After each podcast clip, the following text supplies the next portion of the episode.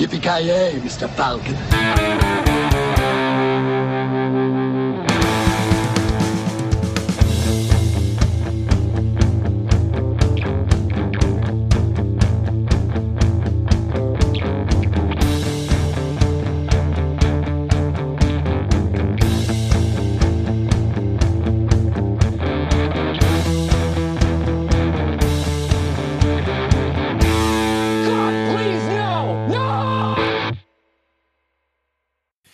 Jajamensan gott folk, hjärtligt välkomna till ännu ett avsnitt av Creative Meltdown Podcast. Ni har med mig Kalle. Joakim Avoya. Och eh, Kent. Jajamensan, och den här veckan har vi då en eh, Rises from the Dead med Dead or Alive. En liten intressant introlek här som vi brukar hålla på med. Och sen har vi då även en comeback som i stort sett har Rises from the Dead. En, eh, en Day in a Life Knösen här, en liten special inblick på hur Jocke lever och tänker. Sen har vi då även lite mer inblick på vad vi har sett och tittat på i veckouppdateringen som vi kommer gå in på också. Men jag tycker att vi gör ett stort hopp in på Dead or Alive.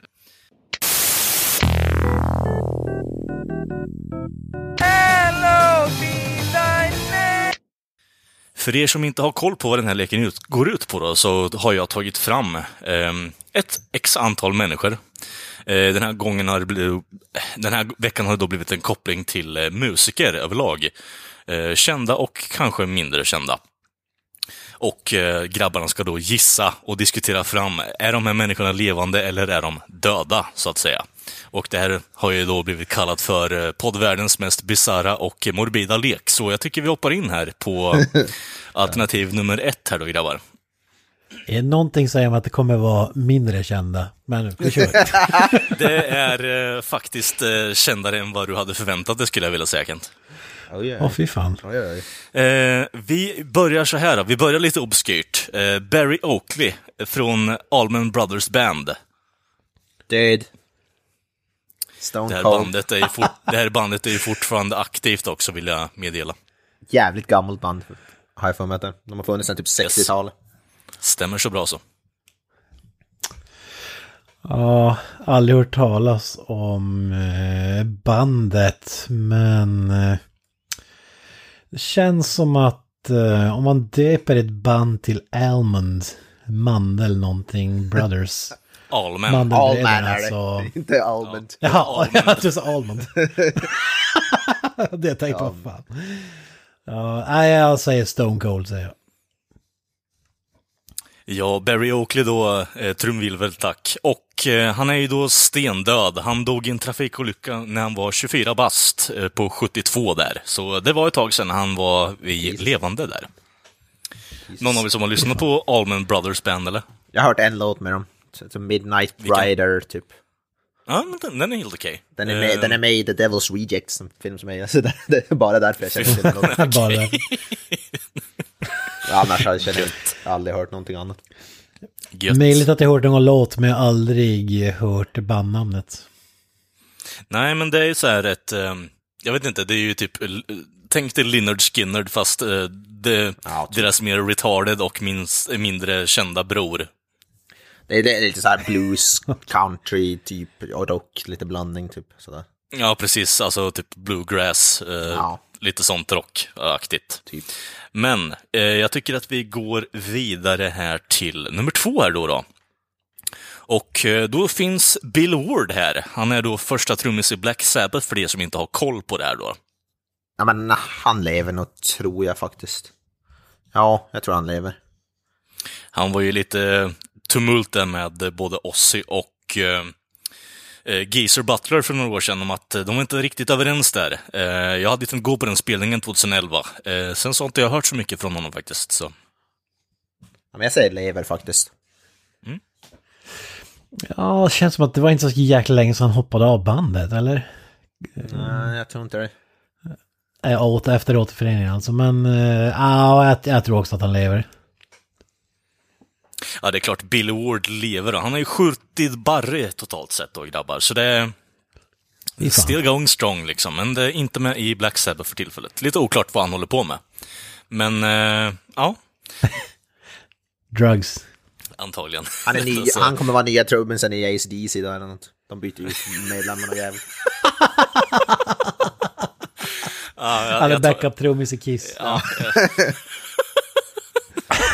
ja, jag, jag tar den på hakan Jocke, jag tar den på hakan. Den, du har faktiskt rätt där, de byter trummis hela jävla fucking tiden. Hur som helst då. Eh, nummer tre här då, så har jag då tagit fram en eh, basist som heter Ole Beich. Och eh, enligt Wikipedia så är den här människan då en eh, first line bassist för, för eh, Guns N' Roses back in the days, eh, så att säga. Åh fy fan. Ja, ja men han, han är nog död. Tror jag. Får vi höra något? nog är jag får- inne på samma linje. Alltså jag tänker så här, samma första basisten i Guns N' Roses. Det måste betyda att han har fått kicken förmodligen jävligt tidigt. Och så säger man bara sätter de tjänat miljarder. Mm. Tagit livet av sig liksom. Men vad är din motivering där Jocke egentligen om eh, Kent har gått på hålet att eh, Fame got the hold of him liksom? Jag menar, det känns som att... eh, när, Det känns som att han var 27 år när han dog. En sån. det känns ju som att alla, alla musiker, alltså i sådana där band, de, alltså, för de har, Guns N' Roses har ju typ inga av originalmedlemmarna kvar känns det som. Och eh, det är väl för att de alla typ knarkar ihjäl sig någonting, så det är väl något sånt. Det är typ Axl Rose Alltså, som är kvar, ja, och Slash. alltså, jag, jag vill inte vara den, men alltså det, om det är ett band jag tänker som knarkar ihjäl sig så är det ju folket Guns N' Roses liksom. Eh, Fucking Axl Rose kan ju knappt stå upp längre för fan. Det, det är Mm. ju nästan skämmigt alltså, att han ens sjunger i AC/DC också, så jag vet inte riktigt.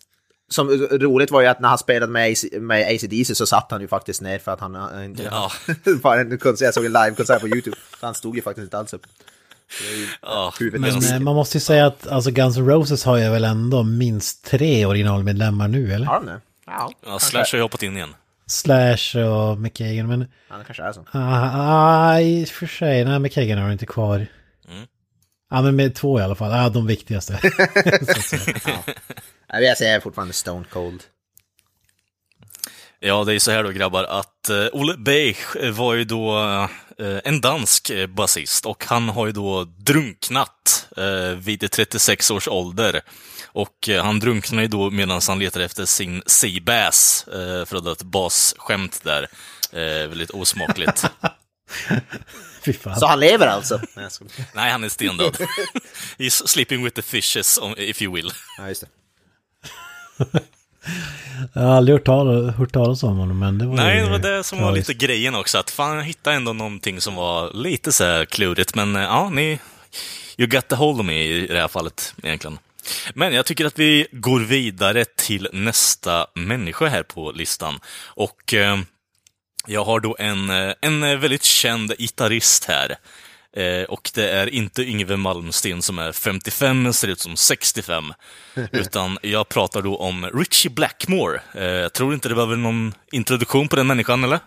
Men för er lyssnare så är det då Deep Purple och Rainbow-gitarrist. Eh, mer känt som. Richie Black. Ja, Det är en liten jag... Jag vill säga att han lever. Det känns som att jag liksom sett honom. Ja. någonting, Jag var inne på samma, jag har alltså hört hans namn känns det som att man... Ja, jag, jag, jag har sett att han lever.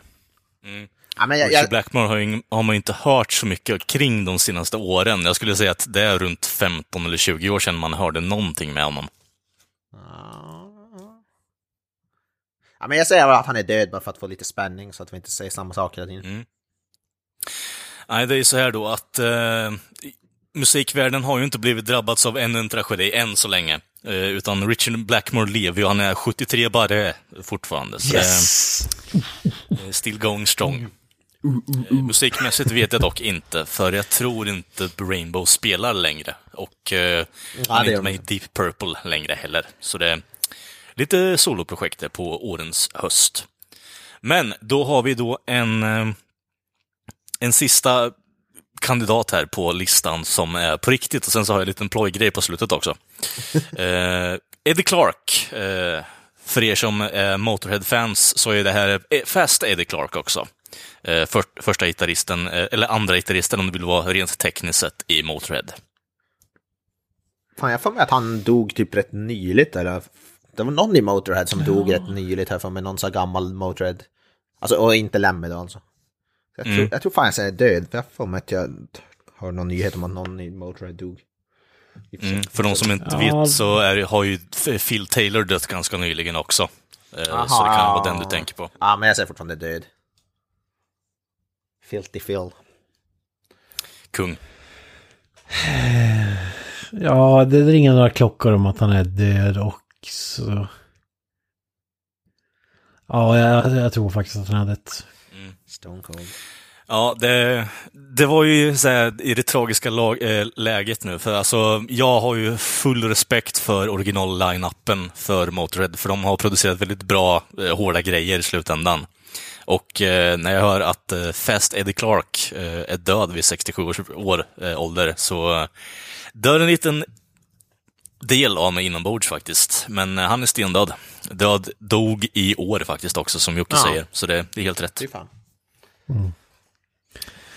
Huvudet on Ja, the speak. tragiskt. Ja, nej, jag vet inte Han, riktigt. Det, det är en så här underskattad gitarrist skulle jag vilja säga. Han har en bra ton, han... eh, Jag vet inte, han gör ju bandet mycket, även om Lemmys bas tar över typ 75% av soundet till och från. Men jag vet inte riktigt, jag har alltid gillat eh, gitarren i Motörhead-låtarna tidigare i alla fall.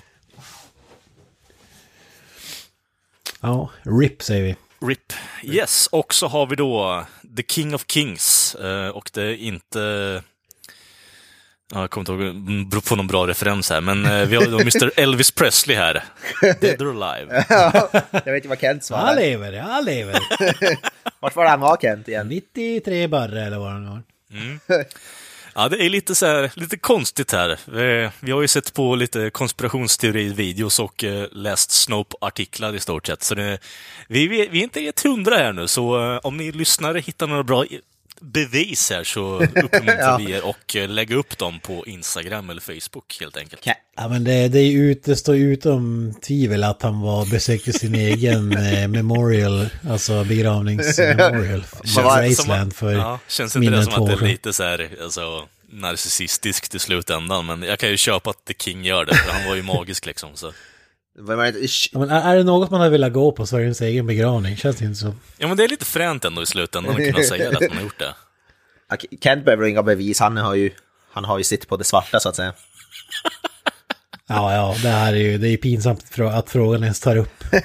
Ja, Han där- lever. där Han är ju på- det, Det är ju någon ö där, där han, han och Lemmy och alla de där hänger. Är det inte så? Ja, Det hade varit det mest Ja, optimala liksom. Men man vill ju nästan besöka den där jävla ön nu när man har hypat upp den här egentligen. Och jag vet inte, jag ska inte säga att jag tror på men eh, någonstans inom mig så vill jag att den där ön ska existera. Men det är som att alla nazister bor i Argentina liksom. Ja, det- Jag hade velat se typ en Jurassic Park-liknande film fast med alla, en ö med alla så dö, döda rockartister. Well, Ja. Welcome to, och så vad fan ön ska heta. Regeneration Island. Ja, Ja, precis. Eh, Yes, men där har ni det grabbar. En dead or alive så att säga. Scream for me, Long Beach! Scream for me, Long Beach! Nice. Yes, Mr. Avoya Voya. Eh, ja. take us through the day med eh, tidningsbudets dag här nu. Alltså, ja. Ah, Det, vilken glorious day måste man ju säga. Alltså, tidigt, underbart. det ligger eh, bra i munnen alltså. alltså ja, det firades ju både högt och lågt alltså. Absolut. Många torra kanellängder slukades denna dag. I lördags var det då. Eh, ja, jag vet inte. Det, det, är- det är så amerikanskt påhitt i Newspaper Carrier Day eller något sånt där. Mm. Ja, ja inga, inga, alltså. Ja, det är, som, det är ingenting speciellt händer. Vi, vi fick en, de hade satt upp en lapp i vårt fikarum. Tidningsbudens dag, vi bjuder på fika. Så var det en sån kartong med några torra köpesbullar typ. Ja, för fan. Och sen var det ingenting med det. Alltså- Ja, sen var det det. Det var det. Ja, herregud alltså. Jag, jag förstår att det, det är viktigt att få uppmärksamhet på det sättet, att man får någon erkännande för det man gör, att man blir uppskattad på något sätt, men kan man göra mindre liksom, det tänker jag mig. Alltså, det känns inte som så. Torr jävla vetelängd. För fan alltså. Men det, kän, det känns som att det skålades mycket snabbkaffe där tre på natten liksom. Ja, Det oh, ja. kändes som att, Innan de gav sig det ut kändes i, som att, i natten. Ja, exakt. Det kändes som att det behövdes göra för att skölja ner den där torra vetelängden liksom. Ja, fy fan. Det är dags för en kopp extra snabbkaffe än vanligt. Ja, ja, det är väldigt spännande. Decaf. Nej, fan inget decaf. Nej, nej, nej. Ja, det är väldigt spännande. Jaha, men eh, mindre skäll på, från folk den kvällen då, eller vad, vad hände? Ja, ingen annat. faktiskt just den natten. Men jag tror ingen som känner fan. till den där dagen överhuvudtaget. Så ja. Alltså, det jag, det jag är lite nyfiken på när vi ändå är inne på just eh, Day in Life of Knösen Jocke här, är har du sett den här grisen eh, som en snubbe hade som j- husdjur på sistone? ja där, jag har ju delat ut tidningar i det området länge så jag Fan! kan inte, varken, sä- jag kan inte säga någonting om han bor kvar där. Helvete. Okej. ja, Tyvärr. skit. Fy fan. Men mycket svin lär du ju se i. Ja, ja, det gör man ju. Tveklöst. Ja. Nej, Ja, ingen, nice. inget spännande. Som... Jag ser framför mig din chef så är helt eh, presidentens Independence Day-tal liksom. We will not go quietly into the night. Jag tänker mig snarare typ Braveheart innan de sätter sig i bilen och åker ut liksom. Freedom! Högerstyrt!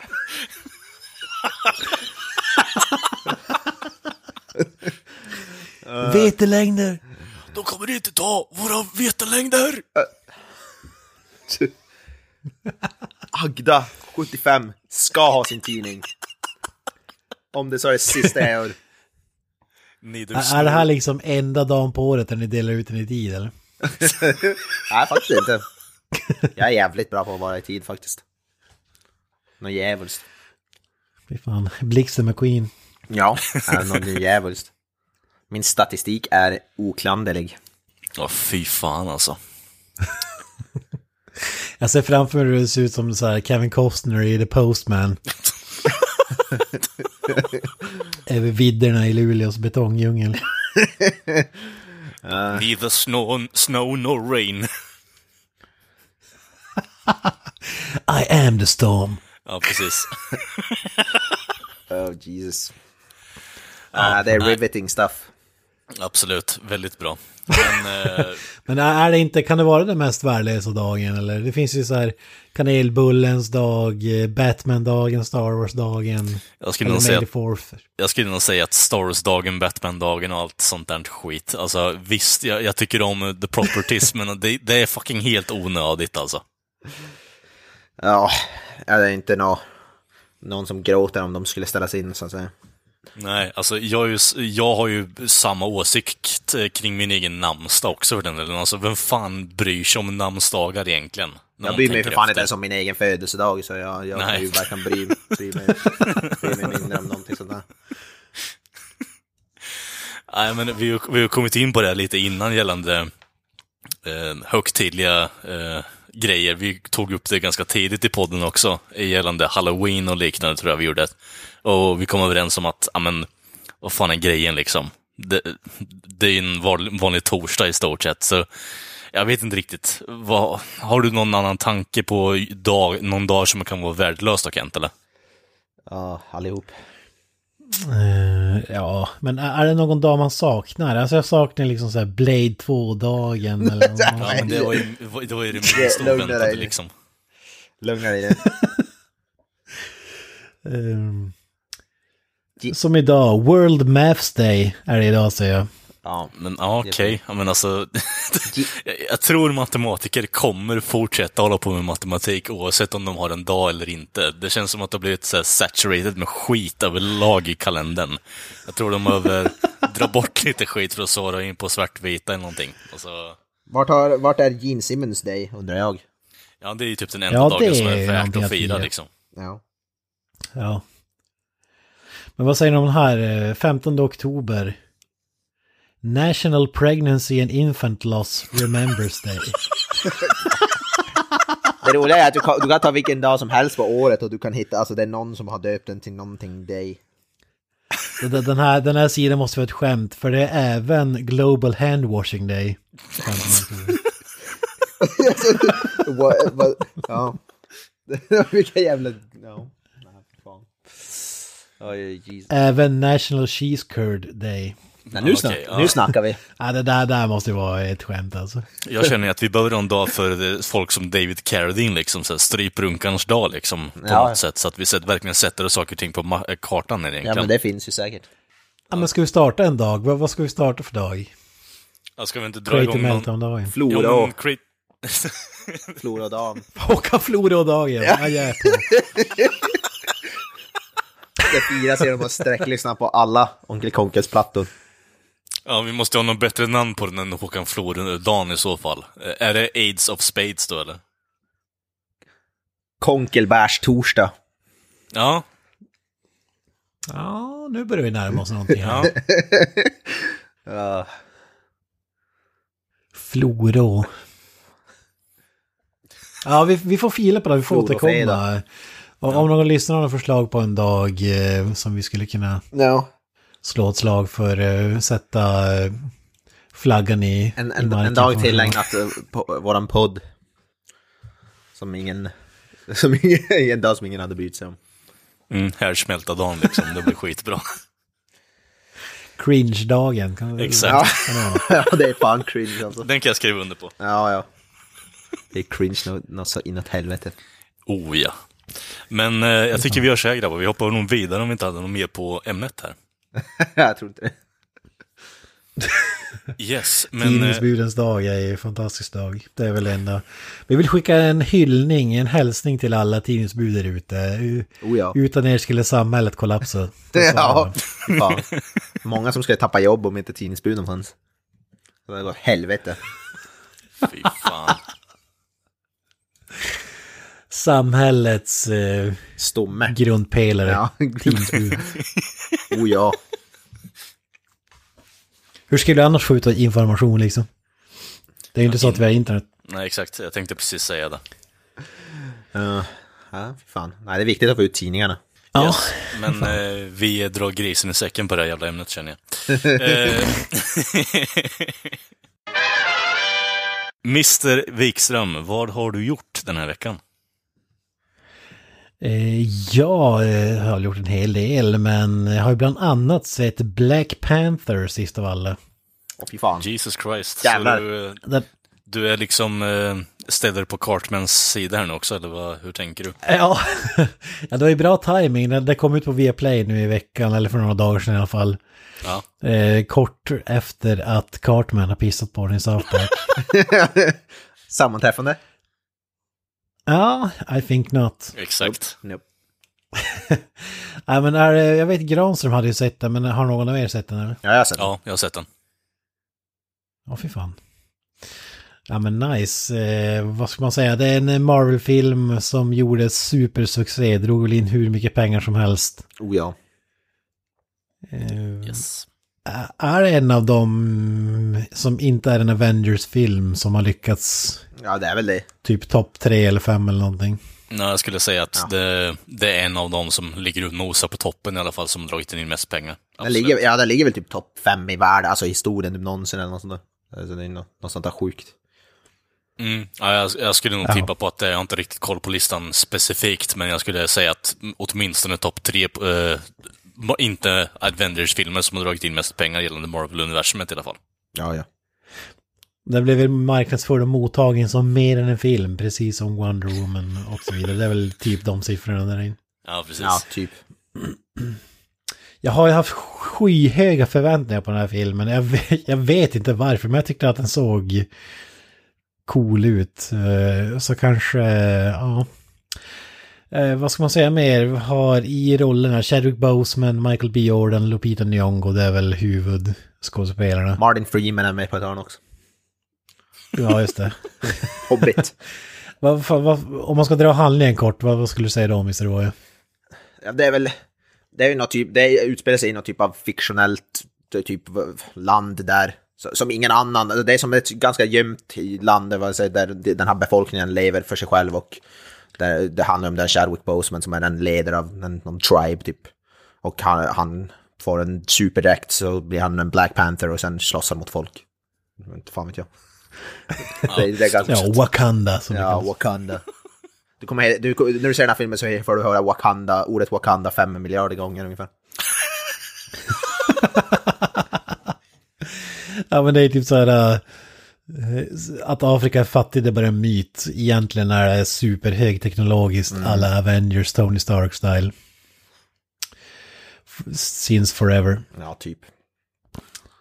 Eh, jag blev ju grymt besviken på första halvtimmen alltså. Det var ju som en live action djungel, nej vad säger jag, Lejonkungen. Ja. Eh, mycket, mycket de vibbarna alltså. Men det är ju först när Michael B. Jordan kliver in i filmen som den blir, blir intressant att säga. Annars skulle jag säga att det var väldigt mediokert och snoozefest. Men han är ju filmens stjärna helt klart. Ja. Problemet med honom i den filmen tycker jag att det, det funkar till och från. Däremot så blir det allting han säger blir så här bara som att han läser från ett script. Och det blir jävligt on the nose också. Jag vet inte hur du tänkte kring det. Nej, jag skulle säga inte läsa från ett script, men mer så att han... Han försöker vara någon... Han, han- klarar inte av att vara den karaktären som han vill vara. Sån här med superpondus och... Eh, Mm. jag vet inte vad man ska kalla det med typ... eh, Darth Vader-röst ungefär. Nej, men alltså, det, han försöker vara något mer storslaget än vad det ser ut på film. Och Ja, precis. han fyller inte hela den kostymen. Men Nej. Lite så här... Hår, hår. jag Ja, vet inte alltså, jag ska det, det. ja, jag förstår vad du menar. Men vi- behöver inte gå in på det, men jag tyckte det var till, och från jävligt så här, cringy och preachy as fuck var det ju. Och det hade ju kunnat funka om det var någon annan karaktär som du säger, men det, slår definitivt inte hem och det är faktiskt en av grejerna som jag stör mig riktigt ordentligt på i filmen. Att det blir så här, man tas ut ur filmen helt och hållet. Jag tror det ska vara, det ska ju vara så här lite tribe-grej som hojs. Alltså lite åt det hållet. Den är ju ganska, jag menar dialekten alla, alla försöker prata med, med blandad framgång är ju jävligt cringe ibland alltså. Men eh, Jag tycker Chadwick Bosemans där dialekt, den låter nästan parodisk till och från, alltså som att han Ja. tar i alldeles för mycket. Ch- Chadwick Boseman ska ju vara, han är liksom, han är ju Black Panther-hjälten. Alltså han, han är ju det sämsta med hela filmen tycker jag. Ja, det, Han, han, är, är, ju fan ja, ja, han är bedrövlig. ja, han är ju det sämsta med filmen där. Definitivt. Då skulle Michael B. Jordan kunde ha fått huvudrollen istället. Fattar inte varför de inte gjorde det. Ja, de skulle ha bytt plats på de skådespelarna tycker jag. Ja. Helt klart. Eller inte haft med Chadwick Boseman alls och gett det till någon annan. Man kan säga för den som inte vet, Michael B. Jordan spelar bad guyen i filmen. Ja, det var Och ser ut som han har typ eh, blivit stucken av getingar 55 000 miljoner gånger också. Ja. Så. Ja, han. Ja, det fattar jag inte heller. Han skulle ha någon slags vårtor under. Det var väl typ att han skulle hade... symbolisera hur många människor han hade Ja, dödat. exakt. Han har typ st- stuck, eller ja, huggit sig själv med kniv eller fan. Han har typ gjort ärr på sig själv, så Ja. that be fucked up. Men det, det, det bidrar till att filmen ibland känns som en tecknad film. Alltså verkligen så här uh, Saturday morning cartoon liksom. Både i tonen och... Eller jag tar tillbaka att Chadwick Boseman var det sämsta med hela filmen. Det är ju utan tvekan Andy Serkis. Alltså herregud alltså. Nej, nej, definitivt Jo, inte. jo. Nej, jag håller, Ah, nej, jag håller vet inte om jag håller med om håller det. Jag, jag tycker inte han var briljant med att säga att han var det sämsta, tror jag. Det är så långt skulle jag inte gå. Han är det mest cringe jag har sett i en Marvel-film tror jag. Alltså han ska vara någon slags comic relief-karaktär som, alltså det, det funkar inte någonstans alltså. Jag tycker i trailern såg det intressant ut att han skulle vara, det känns som att han skulle vara lite mörkare ka- karaktär och sådär, men han är ju bara en goofball, alltså helt obegripligt. Eh, han, eh, för mig är han en av världens mest överskattade skådespelare alltså. Gör samma roll, ser likadan, samma ansiktsuttryck. Han är, alltså, oavsett om det är CGI eller i verkligheten, ja, det är nej, nej, nej. Jag, jag påstår inte direkt att han är den bästa skådespelaren, men jag tycker definitivt inte han är den sämsta delen med den här filmen. Nej, alltså, mycket möjligt att han inte kommer till sin fulla rätt överhuvudtaget, men det kan ju bero på att det finns typ 15 eller 20 olika karaktärer som får blandat mycket med, alltså, screen time och tid att kunna bli på något sätt utvecklade, men jag tycker han är definitivt inte en av de karaktärerna som gör sämst ifrån sig. Jag tycker han skämde ut sig. Jag. Jag, jag hatade den karaktären. Ja, ja, visst. Men vi behöver inte, vi behöver inte fastna där. Jag tycker överlag tycker jag att, alltså jag var förvånad att effekterna var så dåliga. Eh, Jag vet inte om ni tänkte på det. Det var väldigt... Eh, Ja, den är inte... för att en film som är fylld med effekter, det är ju green screens överallt och... Mm. Ja, det var inte mycket bang for the buck måste man ju säga. Nej, det var, det var ganska, ganska tveksamma effekter. Ja, det såg ut som att de skrattade hela vägen till banken hur mycket pengar de drog in på effekten. Liksom, så det, Oh, ja. nej, men jag är, helt, jag är Alltså- helt med på det i alla fall. Ja. Alltså det här rymdskeppet och när de ska visa upp den här futuristiska staden, alltså det är som en Playstation 2 grafik alltså, herregud. Fan. Jag fattar inte, ja jag förstår inte. För alla andra Marvel-filmer så är ändå någorlunda... ja. Nej, jag vet inte. Det här måste nästan vara den med svagast CGI måste jag säga. Någonting jag tänkte på som var riktigt jävla fult var ju cloaken också. Eh, över hela Wakanda liksom. Eh, jag vet inte om ni tänkte på det. det jag vet Ja. inte riktigt. Den, den sticker ut som en jävla sore thumb, alltså det, den också. Så det, jag vet inte riktigt. De...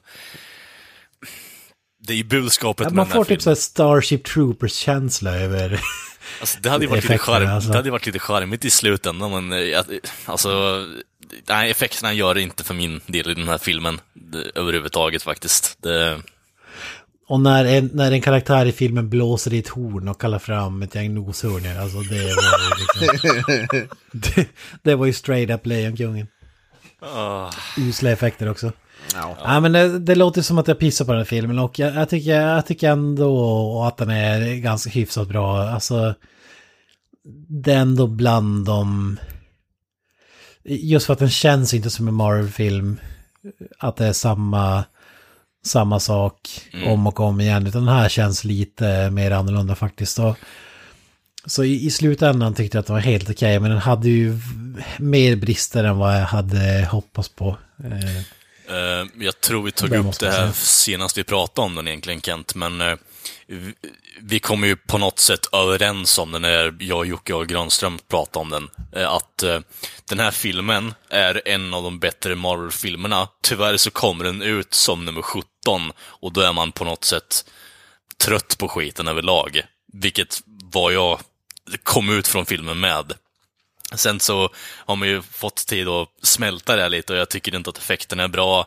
Vissa delar av filmen är, överhuvudtaget är preachy och bara, alltså det sticker ut utav bara helvete och tillför knappt någonting annat än att man får en halv ihopdragen motivation till skurkens, alltså, alltså varför han gör det han gör i slutändan. Så jag vet Ja. inte riktigt om, du, om det var någonting du tänkte på att det var nummer 17 i orden på att filmen överlag.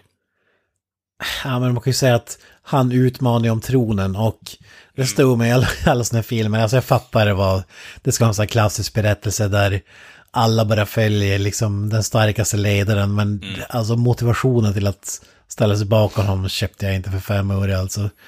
Alltså det- det känns som att människor som har ligger så långt fram i utvecklingen med teknologi och sådär att de skulle vara helt efterblivna i övrigt. Det, jag tycker fan det är nästan stötande. Alltså, ja. ja. Men jag, jag förstår ändå om man vill köra på det här klassiska tribal eh, Mm. grejen att man vill ha den känslan och storylinen. Men jag tycker det, det är som är synd att det känns mer som en Disney-film än en Marvel-film. För- Förstår ni vad jag menar? Jo, jag förstår vad du menar. På, på ett Du är ju ett sångnummer från, från det var en Ja. Disney-film. Ja men, det, ja men det är faktiskt så. Alltså, Ja, typ. Man satt och väntade på att Hakuna Matata skulle dra igång. Idag är det jag som blir kung. Ja, typ. Jag förvä- förväntar mig att typ, vad heter det, Black Panther ska stå på skipsats och hålla, hålla upp någon sådär. ja, Ja men så det storyn i början är ju jäkligt lik Lejonkungen eller? ja, Ja, det är det. faktiskt. Musiken och så här. äh, Ja, det är det. Ja. Ja, ja. Ja men jag, jag skulle ändå säga att den är runt 7 av 10 ändå, trots att jag har pissat lite på den här. Men det, jag blev, blev besviken för att man hade så höga förväntningar.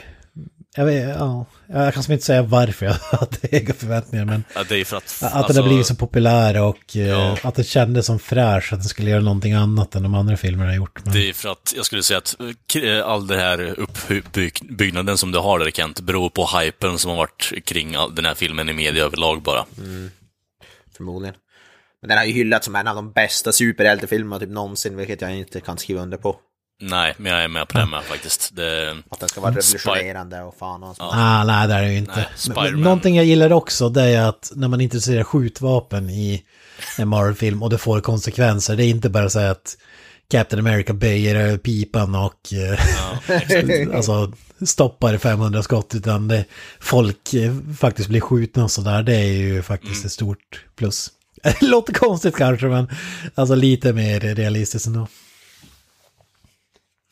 ja, det blir lite svårt att ha någon form av konflikt om huvudkaraktären är typ überbra, Stålmannen och, och så vidare. Men ni förstår ju hur jag tänker liksom, så det, det finns ingen konflikt och då, varför ska man ens kolla på den? Det finns ingenting som drar in den överhuvudtaget. Nej.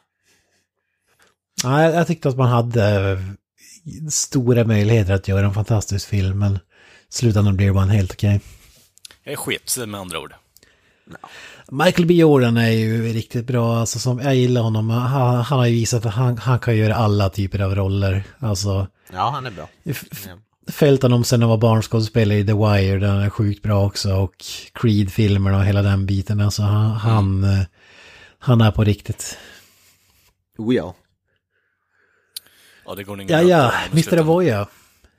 Mr. Voya. Ja. Eh, ja, jag har eh, sett, ja, Netflix. Ännu mer Netflix. Det börjar bli jävligt, ja, vi är ju Netflix-podden. Har vi tit- titulerat oss. Yes. Absolut. Eh, jag har sett, det är en ny, en ny serie som kom ut för bara några dagar sedan, 12 tror jag, oktober tror jag. Släpptes eh, The Haunting of Hill House. Hela, ja, hela första säsongen på Netflix har ju blivit superhyllad. Ligger på Susawa, typ 90-85% på Rotten Tomatoes. Eh, skapad av en jävligt briljant snubbe som heter Mike Flanagan som har regisserat en massa bra filmer. Eh, han har regisserat en film som heter Hush som är jävligt bra. Han har regisserat Ouija, Origin of Evil, en bra skräckfilm. Han, har, han har gjort jävligt mycket bra skräckfilmer. Jag tror jag har sett nästan alla hans filmer och jag gillar dem. Kan, in, kan inte säga att han har gjort en film som jag tycker var riktigt dålig. Så jag har varit jävligt hypad på den här och den har ju blivit superhyllad. Jag har sett de två första avsnitten. Och det, hand, det är lite, handlingen är alltså, det, det, den hoppar väldigt mycket mellan så nutid och dåtid och hoppar väldigt mycket i, i tiden. Den, till och från utspelar sig ändå i dåtid när den här familjen bor i det här som kallas Hill House och det händer en massa spökiga grejer. Och sen hoppar den då till framtid när alla barnen är vuxna och de, eh, vad heter det, hur de hanterar som sina liv efter allt det som hände då i, i det här. Uh, grejer händer med deras morsa bland annat. Jag vill inte spoila någonting men det, det händer en jävla massa i det här huset då. Och då hoppar det mellan dåtid och nutid. Och eh, de två första, avsnitt, för, för, två första avsnitten så har det mest varit, det var mycket så här karaktärsuppbyggande och det har inte hänt supermycket än men den är fortfarande Alltså det är fortfarande riktigt bra och den är jävligt obehaglig till och från. Alltså, jag, jag, jag, blir ofta, jag får ofta inte några så här rysningar när jag ser skräckfilm, men alltså det här hade vissa scener som fick i- det är så här gåshud alltså. Det var riktigt, riktigt obehagligt. Och det är till, från, till skillnad från de, ja, 99% av alla skräckfilmer som finns så är det faktiskt karaktärer som, som kän, det känns som riktiga karaktärer och inte någon typ av stereotyper. Det känns som det, alltså det är inga, det är inga, det är inga, det, det är inga sådana kar karikatyrer som det brukar vara. Det är ingen sån här jock som det finns i alla skräckfilmer och det är ingen comic relief, det är ingen som är comic relief som hoppar ur ett vad heter garderob och försöker skrämma folk med en fake mask. Det är inget sånt där. Det är alltså riktigt, alla karaktärer känns riktiga, alla, alla skådespelare är jävligt stabila. Eh, och karaktärer Flik- Vad säger du? Flika in med en kort fråga där bara Jocke egentligen. Eh, Ja. Du som ändå är poddens skräckbuff återigen. Mm. Eh, vilken genre skulle du sätta den här eh, serien i? Är det någon slasher eller är det typ psykologisk skräck? Nej, eller det, vad? det är mycket mer psykologiskt. Det handlar ju om... Det är ju ingen särskilt, det är ju mer så spöken och så här hemskt. Mm. Så det är väl mer psykologiskt definitivt. Och mycket så här... eh, Alltså, ja, alltså många karaktärerna har det, så här hjärnspöken och inte... Alltså det är en som är en sån här drug addict bland annat och en av döttrarna jobbar i en så här, eh, typ funeral home och för, för, vad heter det, förbereder lik inför begravningar och sådana där grejer. Så det är många, alltså det är verkligen, de är inte, de har ju verkligen sina hjärnspöken och det gör ju, det, det gör ju att det blir mer intressant. Och det är väl en som har någon sån här författare typ och, Och det är en bra massa bra skådespelare från Game of Thrones. De som har sett Game of Thrones känner igen skådespelaren han spelar Dario Naharis. Eh, den här eh, hjälpredan till då Daenerys. Och så har vi även eh, Carla, vad heter hon, Carla Gugino. Hon har gjort en massa, hon var med i den här Geralds Game bland annat som, som kom från Nexus som också var riktigt bra. Uh, ja, men det, den har en, inte jättekänd, men den har så skådespelare som man har sett lite då och då. Och alla gör, är jävligt stabila. Den är jävligt, som jag sagt, jävligt obehaglig till och från. Det är inga, inga alltså, så jump scares så här på näsan skräck överhuvudtaget, utan det är mest alltså den, den använder jävligt ja, obehagliga bilder bara för att, för att skapa det här r- obehag snarare än att det ska vara högljudda ljudeffekter. Så ja, den är jävligt stabil den så länge och eh, ja, jag jag har som sagt bara sett två avsnitt och jag är jävligt taggad på att se resten. Det är en solklar rekommendation. Eh, Och ännu, ännu bra av, som sagt, Mike Flanagan. Kolla, om man gillar skräck så kan man kolla in all, allt det han har gjort, för han har gjort jävligt mycket bra filmer faktiskt. En st- han stabilt CV, något, något jävligt. Så ja, de två första avsnitten i så sätter jag en solid 8 av 10 i alla fall. Fy fan. Så vi ser om det blir högre, om det blir högre sen. Men jävligt bra i alla fall. Eh, för Ja, den har ju 9,1 på IMDB. Det är ju Jävlar. någonting i skräckgenren. Är ju, nu är det kanske jättemånga som har röstat och så, men jag såg delar av första avsnittet. Men är det inte lite så här Conjuring-aktigt? Kan man, kan man Ja. inte säga det? Ja men det är ju typ det, så hemsökt hus och...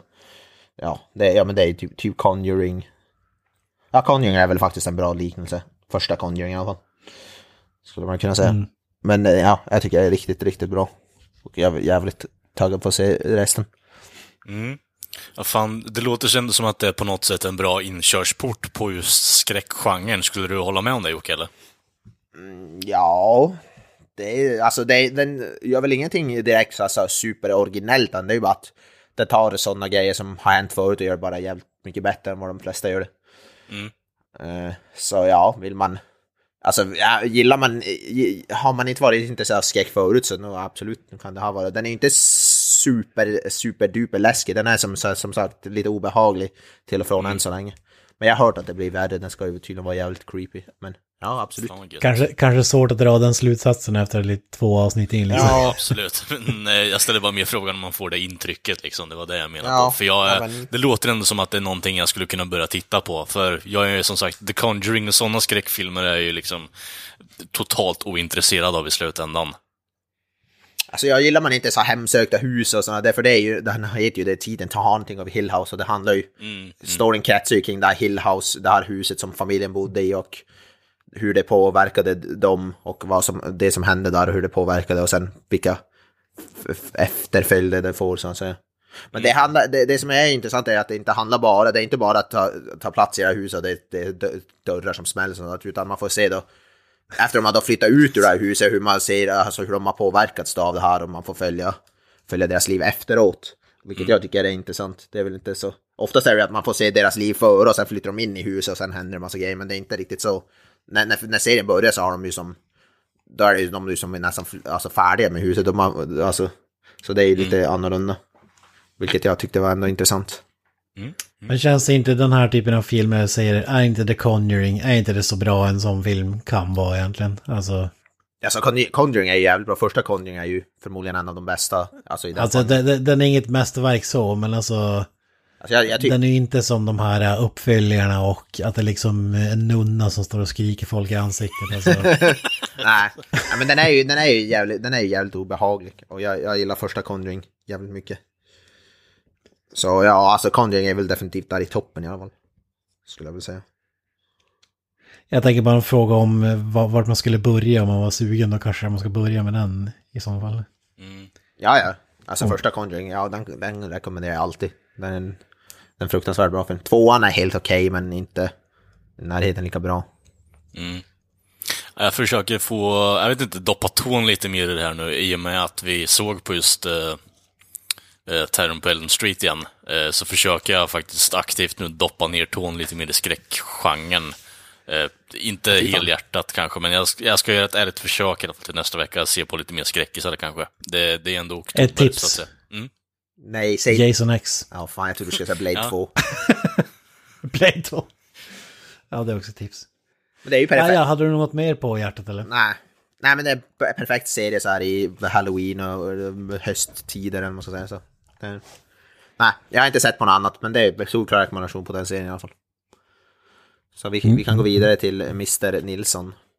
Gött. Eh, Då har jag eh, tre siffror här eh, framför mig grabbar, så vilken vill ni att vi tar först? Vad är de tre siffrorna? ja, Ett, precis. två, tre. Välj en. Sju. Sju. Mm, bra. Två. Två. Yes, då har jag den här veckan insett att eh, Detroit som är kända för tre saker och det är ju då Robocop eh, och eh, konkurs, eh, första staden som jag känner till som har gått i konkurs, och eh, Electric Six. Ett band därifrån som då har släppt ett nytt album och det är då deras 17 album på loppet av eh, 15 år. Så de har varit jävligt flitiga får man ändå ta och säga. Eh, Ja, det är ett fantastiskt band måste man säga. Absolut. Eh, Jag skulle säga att de är ju på något sätt komedirockens Frank Zappa, så eh, de har ju min cred här i alla fall. Men, ja, överlag då, det här albumet heter ju då Bride of the Devil. Skulle jag säga att det når ju inte riktigt upp till Fire-albumets klass. Den har ju inte sådana klassiker som Down at McDonalds, som det underbara albumet I shall exterminate everything around me that restricts me from being the master, eh, albumet. Eh, och ja, det är, det är hela albumets namn, så den här gruppen är ju då väldigt baserad på och grundar med väldigt, väldigt bra under, underhållande musik.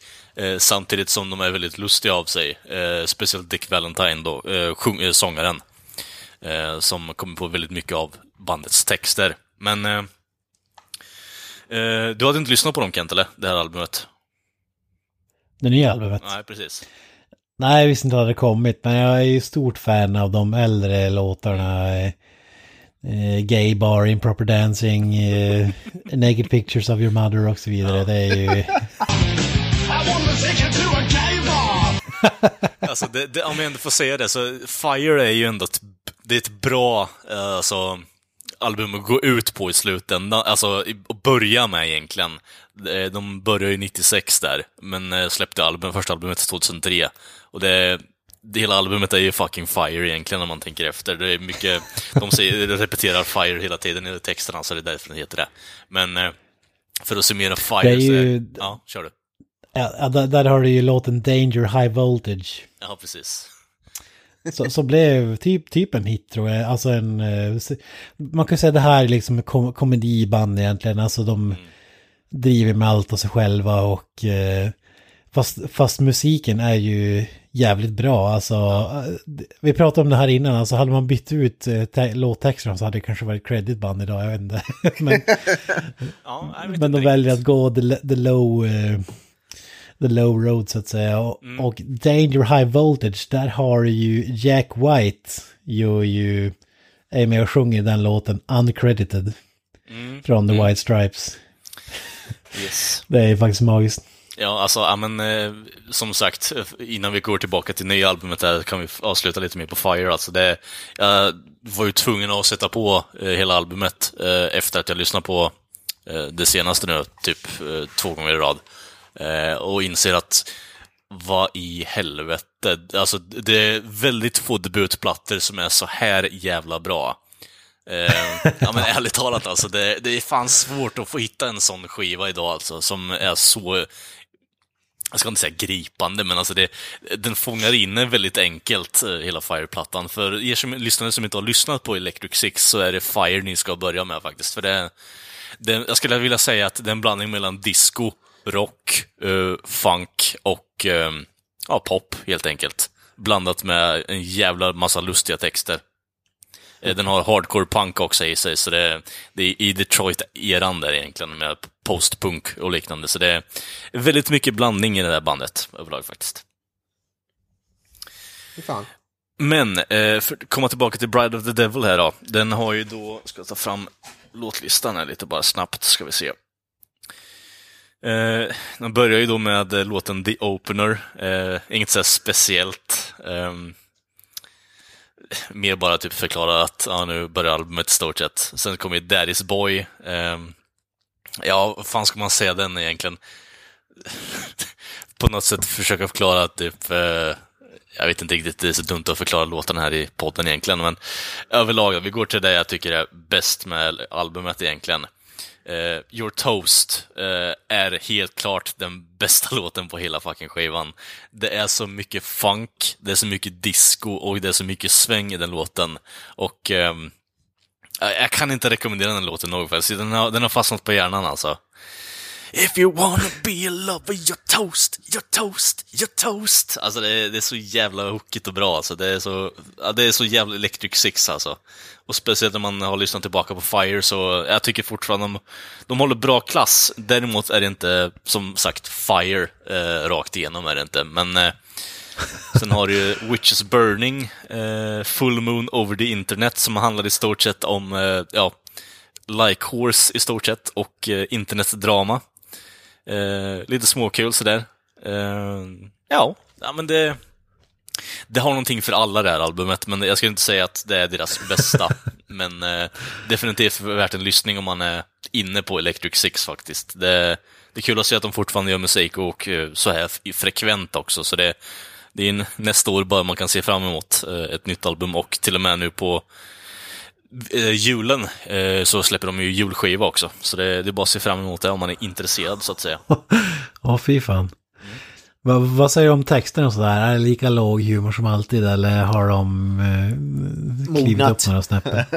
Alltså, eh, för att ta full moon over the internet där egentligen, det- det är, det är väldigt lowbrow är det. Så det, det är definitivt i deras anda. Så jag var ute på promenad. Ja, det låter ju lovande. Så jag faktiskt lyssnade på den. Eh, Men alltså det är, det är verkligen Electric Six. Eh, Du som har lyssnat på dem Kent vet vad jag pratar om, men det är svårt att förklara på ett sätt. Ja, vi måste bjuda på ett smakprov eh, här någonstans. Men alltså, det är synd att inte Granström är med idag. För att jag och Granström har ju dunkat det här bandet under gymnasietiden främst. Det var ju en, en riktig höjdare. Som du säger, Fire-plattan där när den kom, den var ju helt eh, magisk. Det, det roliga med eh, Electric Six... Eller i och för sig, när, kanske inte när den kom, men när den blev känd. Jag, Mm. jag tror inte att det är samma tidpunkt för, för bandet om, om jag minns rätt. Men Jag menar, det är ju Den- liksom, det är ju delay. den satt ju som en krocketklubba i skrevet så att säga. Jo, exakt. Och sen så skulle jag vilja säga, det är ju, det är ju så här delay upp till Norrbotten också, men den sitter ju som, som du säger, den sitter ju på alltså, lodrättssidan upp i anus, den här skivan. Alltså det, den slår hårt. Den slår hårt. Fy fan. You would know, you would know. Oh ja, det, det är eh, open up med det. Men hur som helst, till den här skivan då. Jeez. Det var ju faktiskt du som introducerade mig till Electric Six uppe i Piteå när jag började plugga där, Kent. Eh, När du började spela Gaybar, bara fan, vad är det för jävla låt? Det, här, det har en bra liksom hardcore punk, eh, alltså stuk kring sig, så började jag söka vidare på den. Och äh, jag, jag fastnade faktiskt. Musiken är, musiken är riktigt jävla bra, men det, jag tror de inte får cred för det, vilket är jävligt tragiskt i slutändan, som vi sa där. Ja, de är ju censurerade, som, som den låten till exempel. De sjunger ju gaybar till höger och vänster och en massa så här äh, antyder till, äh, ja, man kan gissa vad. Men precis. det de har valt att censurera i, i, i den officiella versionen av videon är liksom orden war och nuclear. alltså, det är ju inte bandet själva utan det är någon som påstår att det är liksom Let's start a war, det, det funkar inte i staterna så det, det, det måste censureras. Men allt det andra sjuka det- jävla ja, låtar, det- det är okej. men Ja, war, inte det funkar Det är inte. så censur, alltså kulturen överlag, dumt. Det är helt sinnessjukt. Alltså jag, jag fattar inte i vissa fall. Och det där är det specifikt alltså. Herregud. om de hade gjort Det samma kanske, känns lite, kom det kanske känns lite kom ut där under Ja, Irak-krigstiden. det, det är sant. Det är sant. Alltså det, det var väl kanske andra tider då så att säga. Bushen kanske inte var så förtjust i, i låten. Jag vet inte. Gjorde samma, tänk om man gjorde samma sak med typ Civil War av Guns N' Roses. Jävlar vilken konstig låt det hade blivit. Ja. Civil beep. I don't need your civil... Ja, att de har censurerat det med piskljud också är faktiskt fantastiskt.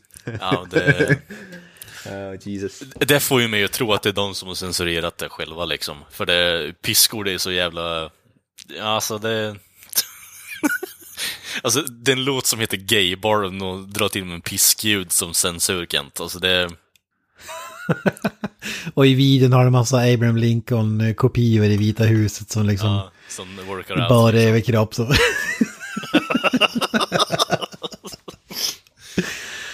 ja, fantastiskt band. Jag, jag blir Absolut. grymt sugen på att lyssna på, på de gamla låtarna nu alltså, måste jag säga. Ja, jag rekommenderar faktiskt. Men eh, vi går vidare till något annat där känner jag då. Eh, jag har ju då sett på Venom, precis som eh, Granström och eh, Mr. Avoya Avoya här då förra veckan.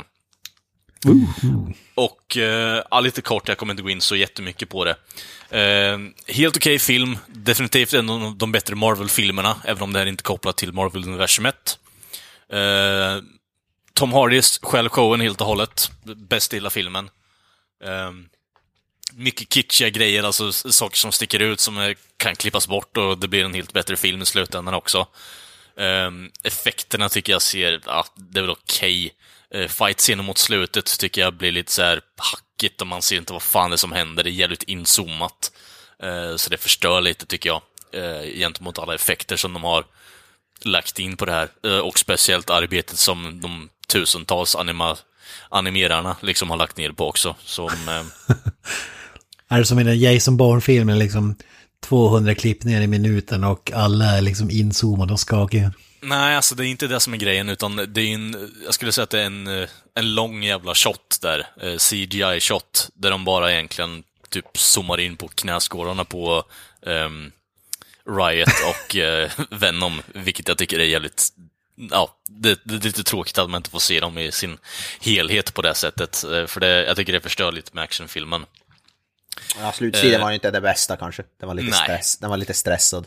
Ja, men det, det skulle jag förklara att det, det är lite bättre på den punkten. Att det, det, det är stressat, det, det är en bra förklaring på det faktiskt. Men... ehm, annat Kan ju vara en av de delar som de har klippt om liksom, tvungen Jo, absolut. kapa ner för. Gud ja, vi, alltså, vi kommer inte kunna veta helheten förrän vi får tillbaka de där 40 minuterna.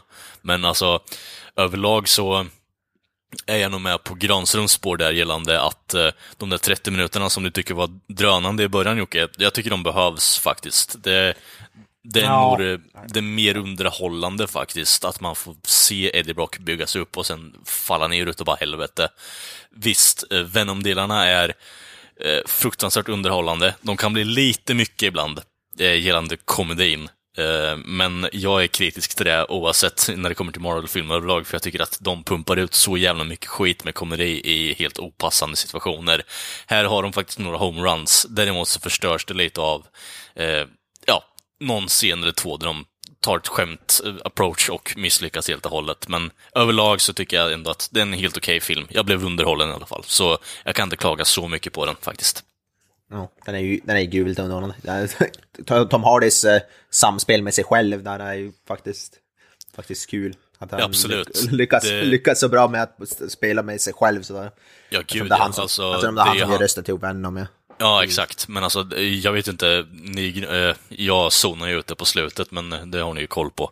Men alltså, det, det jag kände frä, först och främst var ju att han är ju den som bär upp hela filmen egentligen, bara för att Ja. avsluta där. Alltså det, ska ja. man se den där filmen så är det på grund av Tom Hardy, för han gör ett riktigt jävla bra jobb faktiskt. Den Jag vet inte om ni pratade om det sist, men det är alltid snack om Tom Hardys röster. Jag, jag tycker att de är fenomenala när han liksom Bane-rösten och sådär i Dark Knight Rises. Men Oh ja. vad säger ni om den här rösten? Den här, Ja. Nej, men jag tror den här rösten har han väl bara pratat typ rätt vanligt. Sen har de, de har ju ändrat den i efterhand. Den är, de har ju, de har ju distortat den. den är, det är ju inte hans, hans originalröst som de använder. Så De har ju förändrat den med specialeffekter. Så att den Okej. låter mörkare. Och så. Ja, men det, det gjorde de väl i Dark Knight Rises också. Ja, men det enda, de gjorde med, det enda de gjorde med den var att den gjorde, lät den mer klart så, man inte, så att inte masken tog bort halva vad han sa. Ja, jag vill minnas att de mixade om den. Ja, jag vet inte. Det har inte jag hört, men det är väl kanske det är väl inte omöjligt. Jag vet inte. Ja, Men den här ja men whatever. Den får, hur bra funkar den skulle jag säga.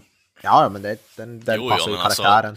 grejen med hans accenter, jag tycker ändå att det, det, det är köpbart. Man, eh, man köper inte att eh, om den här snubben spelar liksom eh, Cockney i Peaky Blinders och pullar det av också. Liksom, det, han är en solid alltså, skådespelare överlag och han gör rösten helt, alltså riktigt bra tycker jag som amerikan också faktiskt. Så det är Ja. inga klagomål överhuvudtaget på det.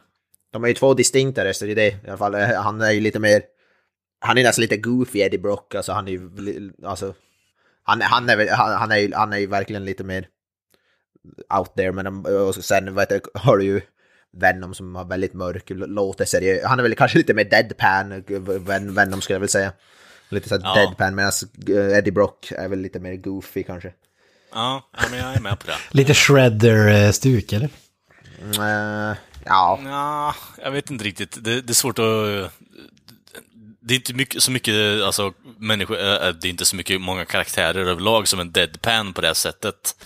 Men eh, jag tycker ändå, Venom är ju, han är ju bluntly honest i det här, eh, den här filmen, Ja. vilket jag tycker är, jag köper det. Däremot så blir Ja. det så här, de försöker få ut komedin av det lite för mycket, men ty, eh, när det väl slår så slår det jättehårt och då tycker jag ändå att det är jävligt bra. Så inga klagomål på det faktiskt. ja. Eh, däremot så, eh, jag vet inte om ni uppmärksammade det när ni var och såg på filmen Jocke, men de har ju lagt ut en promotional comic eh, vid sidan om här också. Ja, ja då hade, de hade något så här på ett st- jag vet det, ställ där ute man kunde ta en serietidning. Yes. Jag, plock, jag plockade inte på mig den, men... Nej, eh, jag gjorde ju det. Och Okej. eh, har mötts av en eh, värld av cringe, eh, vad jag i stort sett bara kan... Eh, eh, ja, de har ju summerat olika scener i filmen här. Eh, och det är ju då på vad jag skulle vilja kalla för Google Translated eng- eh, svenska. Ehm, som här, eh, det här, ni kan säkert lista ut vad det är för typ av scen om ni har sett den, men jag kommer ta den ur kontexten här nu. Vad håller du på med? Jag lyfter upp händerna i luften. Det får, du får så att se dålig ut. Det gör jag inte alls. Det gör du visst. Varför gör du så? För att det är det. Ja. Jag vet, jag vet exakt vilken scen du menar, men den Ja. gör sig inte lika bra i skriven form kan man ju nog säga. Och inte på svenska Nej. heller. Exakt. Det är därför man, alltså, läsa serietidningar på svenska vill, det vill man ju inte göra längre, alltså det går Nej. inte. Jag klarar inte av Eh, det. nej, alltså... Det... Ha, har man seriöst översatt amerikanska, Ja. alltså även sådana här serietidningar ja. till svenska? Ja. Herregud alltså. Och det de har gjort är att, alltså just den linen, eh, jag kommer ihåg den linen, eh, alltså, because it's the right thing to do, liksom, istället för att det är det, för att det är det. Alltså, de har ju butcherat linen helt och hållet, liksom. Ja, men det är ju också... Ja, den fungerar ju inte i översatt form, eller den, den, den, den gör ju inte det. Nej, Google alltså, Translate. ja, Google Translate är ju din vän, liksom, speciellt när du ska prata asiatiska eller liknande. Men jag har ju en bra panel här då, och det är ju då när eh, ja, Eddie Brock och Venom har fusat helt och hållet och eh, han håller upp en stor snubbe i luften och eh, skriker “Dags för utfodring!” eh, och det ser jättegoofy as fuck ut. Utfodring! Ja. För alla de jävla cattle som är ute på bete, eller vad var det? Exakt. I helvete. Men alltså menar du att skulle man kunna läsa så här Dark Knight-serietidningen på eh, svenska till exempel? Ja, Ja, då- den är jag nästan helt Ja, då finns på det. Då faktiskt. finns, ja, då finns det väl Batman på svenska. och- Där, däremot så vet jag inte vilken sjuk och mentalt störd människa som skulle vilja göra det när det finns på Nej. originalspråket liksom. Nej, fy fan. En eh, sexårig pojke som är typ eh, target. Ja. Läser den eller? Jag ber så hemskt mycket om ursäkt för det då, men eh, jag tror inte att du ska läsa The Dark Knight Rises av Frank Miller om du är sex bara. Det, det känns inte som att det är rätt demographic där med tanke på ämnena i comicsen. Ja, fan serietidning. What can go wrong? Nej, Ingen blir nästa Joakim liksom. ja, exakt. Ja. Yes, eh, men det var det jag hade om Venom-filmen i alla fall. Men, eh, på tal om eh, split personalities och eh, gräva runt med lik här, som Jocke pratade om innan, så har jag ju då sett på eh, mästerverket Best Fiends Friends Volume 1, eh, producerad av Greg Sestero och eh, skriven av Greg Sestero. Och för er lyssnare som inte vet vad jag pratar om i det här fallet då, Greg Sestero är ju då Mark i eh, The Room. Och eh, ni som vet vad The Room är, vet ju vad eh, The Room följer med sig. Det följer med sig en utomjordisk människa som inte kan interagera med människor.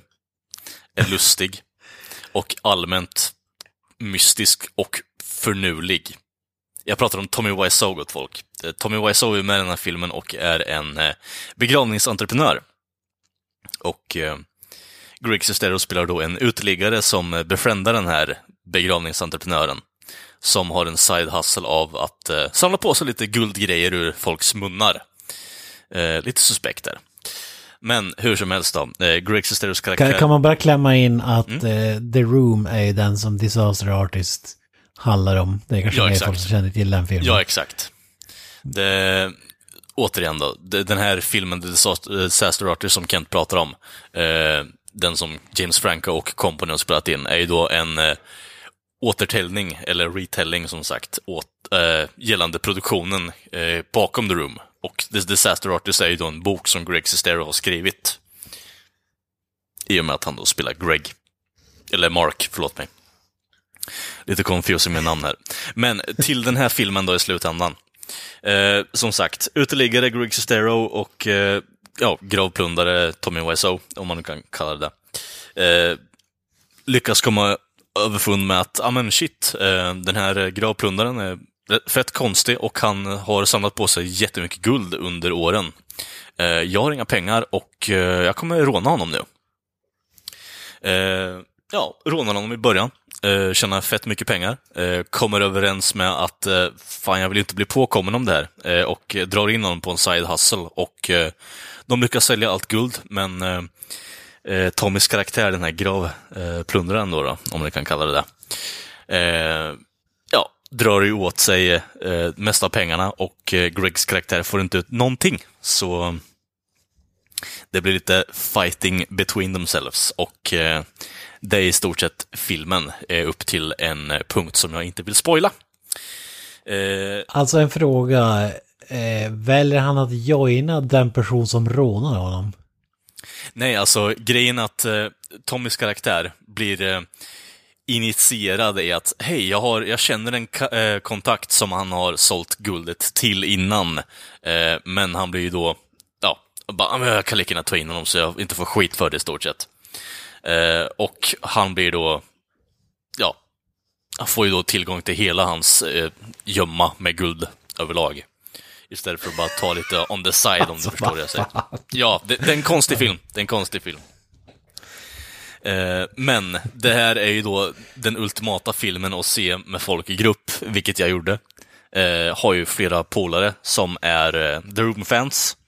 Eh, är väldigt intresserade i eh, Tommy Wiseau-låren överlag bara. Att han har eh, ett fett bankkonto, eh, sålt jeans, eh, gjort andra grejer och blivit miljonär på det. Eh, andra, ja, det finns mycket teorier kring den här människan, men den här filmen är då helt underbar. Alltså, speciellt om du är ett Room-fan. Ehm, jag vet inte riktigt, alltså, det finns mycket regelrätta what the fuck moments som slår hem eh, på ett väldigt bra vis. Alltså, men det, det är ju som sagt bara om man är Droom-fan. Det, Eh, för det, det är det som är grejen också. Det är Greg som har skrivit den här och eh, på något sätt producerat den. Eh, däremot så känner jag att det är väldigt så här, det finns olika skikt i den här filmen överlag. För vid ett tillfälle så kan cinematografin eller film, eh, ja, filmfotografin överlag bara vara helt otroligt vacker med drones och eh, feta eh, Dutch angles och bra inzoomningar och liknande. Och andra gånger så kan det se ut som att det är liksom filmat i någons basement med Tommy Wiseaus kamera från uh, The Room-tiden. Och det är Tommy bakom kameran, känns det som. Men uh, jag vet inte riktigt. Det, det, är en un, det är en underhållande film och man får skratta jävligt mycket. Speciellt över att eh, Tommy är ju Tommy och Tommy kommer aldrig förändras. Eh, och jag är nästan helt hundra på det här grabbar, att i den här filmen eh, så interagerar ju Tommy Wiseau med flera andra som, vad jag skulle vilja kalla är oinitierade i hur Tommy Wiseau fungerar som människa. Så när de är med i scenen så skulle jag säga att det är första taken, det är första gången de träffar Tommy, och det är deras genuina reaktioner som finns med på skärmen. Det är helt fucking underbart. Det är lite intressant att bli helt tvärtom då för att eh, Tommy Wiseau producerade väl och regisserade och ja, skrev om, Skrev. eller han fick hjälp med att skriva manus, men typ hans manus. Ja. Och Greg var skådespelaren, nu är det omvända roller alltså. De gör en film var så att säga. Mm, ja, precis. Jag vet inte hur det blir med volym 2 som kommer ut i ehm, Alltså, feb- februari, tror jag.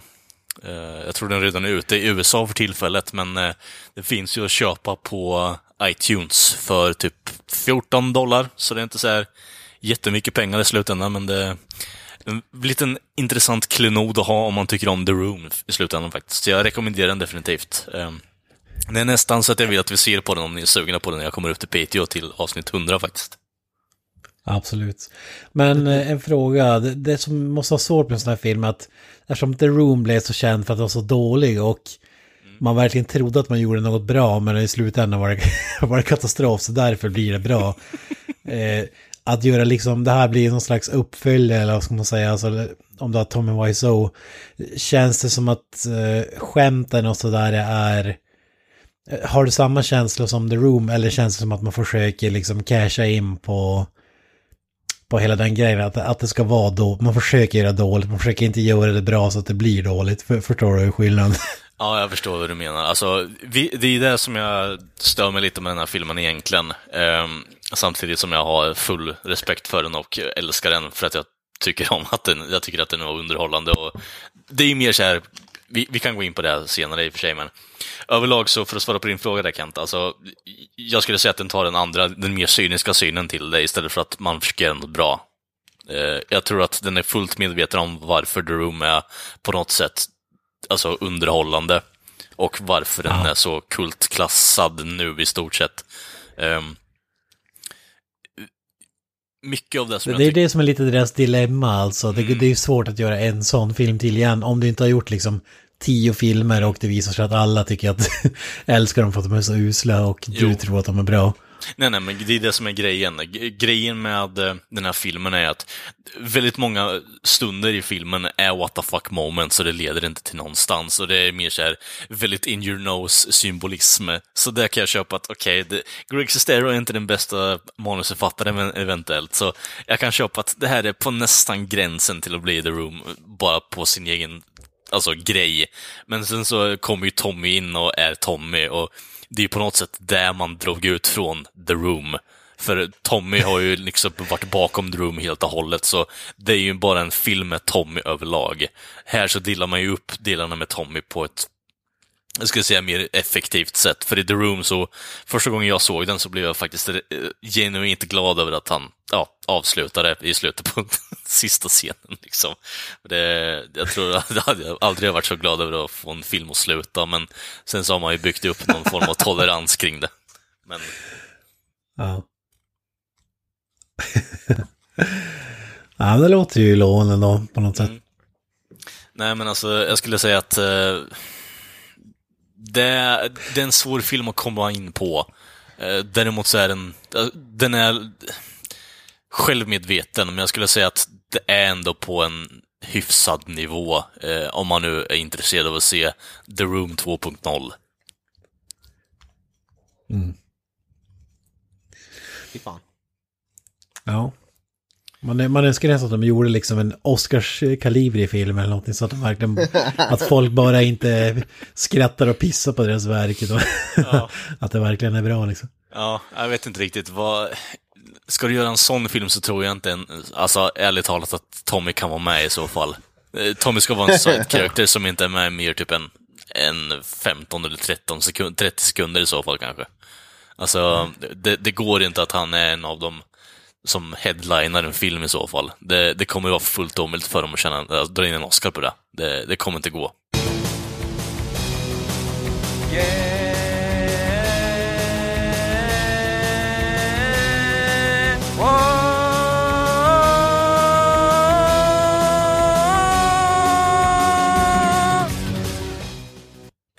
Kära lyssnare, ni har då lyssnat på ännu ett avsnitt av Creative Meltdown Podcast. Eh, ni hittar oss som sagt på sociala medier som Facebook, Twitter, Instagram och eh, YouTube. Vi finns även på Spotify för er on the go. Och eh, vi har ju då vår egen hemsida, creativemeltdownpod.wordpress.com. Och ja, där lägger vi upp lite käcka grejer som recensioner och annat fräckt material. Jag har ju då lite st- småstartat en liten serie där som heter Kalle har inte sett. Där jag tar upp lite filmer som jag inte har sett. Eh, bra titel där, eller hur? Men eh, som sagt, det kommer ju upp en liten drös med filmer. Jag ska försöka få upp en i veckan i alla fall, så länge jag kan. Annat än det eh, har jag inte så mycket mer på hjärtat. Har ni något avslutande ord där, grabbar? Jag säger, eh, kom ihåg ert lokala tidningsbud.